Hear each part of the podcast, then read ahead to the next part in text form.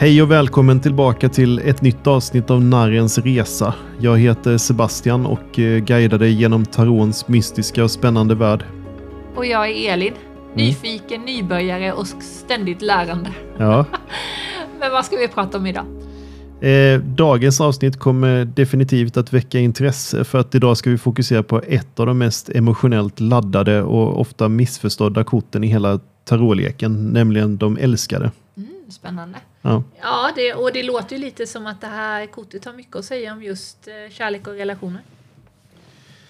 Eh, ja, så är det ju och eh, eh, man skulle kunna tro att det är på det sättet och du har delvis rätt. Men eh, kortet har även mycket djupare lager och symbolik som sträcker sig bortom ba- enbart romantisk kärlek. Så att det handlar även om val och dualitet och förening på ett mer universellt plan. Spännande. Mm. Det känns som att det finns en del att gräva i. Som vanligt. Ja. Eh, och eh, ja, lite som du varit inne på så finns det mycket att utforska. Så precis som vanligt så kommer vi dyka djupt in i kortets historia, symbolik och moderna tolkningar. Eh, vi kommer även att svara på frågor. I alla fall om du har några frågor så kommer jag besvara dem. Och sen eh, kanske vi avslutar med veckans utmaning. Ja, nej, men vi, eh, vi börjar väl så. Ja. Eh, Då tar vi det första steget in i dagens äventyr. Och innan vi går in på de mer tekniska detaljerna så kan vi börja med ditt första intryck Elin när du hör namnet De älskande. Vad tänker du på då? Ja, alltså precis som jag sa förut eh, så min första tanke är väl att det handlar om romantisk kärlek. Mm. Soulmates eller något liknande sånt. Mm. Men ehm, efter det du sa i introduktionen så tänker jag att, och det som vi vet nu i det här laget, att det finns mycket symbolik i korten. Eh, så tänker jag att det finns mycket mer bakom Mm. än vad man liksom kan se med ögat. Ja, det är ju en eh, väldigt naturlig och vanlig första reaktion eh, att det skulle handla om romantik bara, men eh, de älskande förknippas ofta dels då med romantik, men kortet bär också på en mycket ri- rikare symbolik. Eh, det symboliserar även val och förening och dualitet och ibland till och med den inre föreningen mellan olika aspekter av en själv. Mm, okej, ja. Så då handlar det inte bara om att handla, äh, hitta sin andra hälft eller att vara i relation med någon annan då? Nej, utan eh, det kan ju även handla om de val som vi gör i livet och kompromisser eller olika föreningar som vi måste göra mellan olika aspekter av oss själva eller våra liv. Och det är ett kort som verkligen uppmuntrar till eh, självreflektion och självförståelse. Mm. Väldigt mångfacetterat kort skulle jag säga. Mm. Så att det ska bli spännande att få höra ännu mer om det. Ja, och det kommer du definitivt få göra. Bra. Eh, för att förstå det här kortet, de älskande fullt ut, så måste vi dyka djupt in i dess historia och de eh, symboler som ofta förekommer på själva kortet avbildat. Så vi dyker väl in. Absolut. Eh, och om vi då tittar på några av de vanliga symbolerna som finns på kortet, de älskande, så har vi ju kortet framför oss här på bordet. Och Mm. Då ser man en man och en kvinna som står sida vid sida. och Ofta finns det också en ängel eller sol ovanför dem. Mm. Eh, nej men vi tar väl uppenbara, mannen och kvinnan. Mm. Vad betyder de? Eller symbolisera? Eh, mannen och kvinnan här symboliserar ofta dualitet. Eh, att det finns en maskulin och en feminin energi eller en logik och känsla och så vidare. De representerar de olika aspekter som behöver komma samman antingen inom en individ eller i en relation. Då. Mhm. Eh, och historiskt så har symboliken kring kortet de älskande förändrats. För att på, i äldre tarotlekar så kan det även ha funnits en religiös underton. Eh, lite som Adam och Eva till exempel. Ja. För jag tänker det när jag tittar på kortet så är det ju... Ja, Adam och Eva tycker man, ja, man ser tydligt. Mm. Eh, Eller det är vad jag kopplade samman med i alla fall. Skapelsemyten. Ja men precis och sen är det ju trädet med ormen, Mm. äpple, Mm. skulle jag kunna tänka mig att det är. Mm. Så att eh, koppling till skapelsemyter. Och det här med att äta eller inte äta den förbjudna fruk- frukten.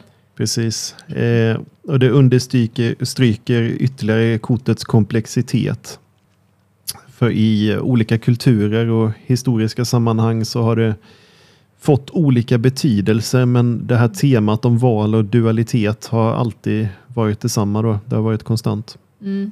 Och då verkar det ju som att oavsett kultur eller tid Mm. så handlar kortet om, vad ska jag säga, de mer stora komplicerade valen Mm. i livet.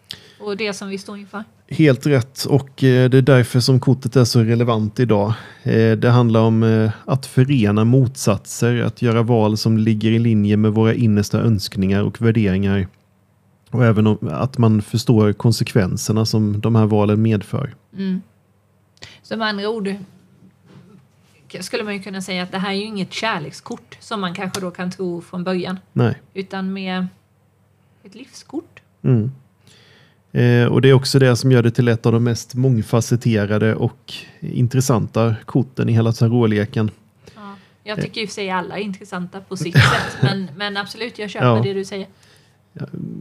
Precis. Eh, alla är ju intressanta, alla är mångfacetterade, men kanske det här kortet lite mer än många andra ändå, skulle jag säga.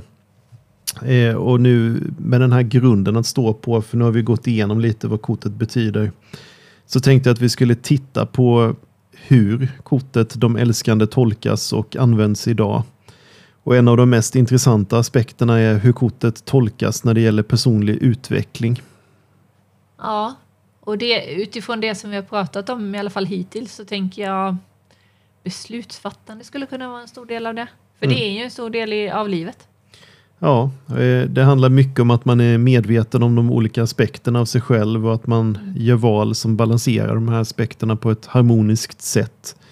Eh, Det kan vara till exempel att man väljer mellan två jobberbjudanden eller mm, står mellan två relationer eller till och med två helt olika livsstilar.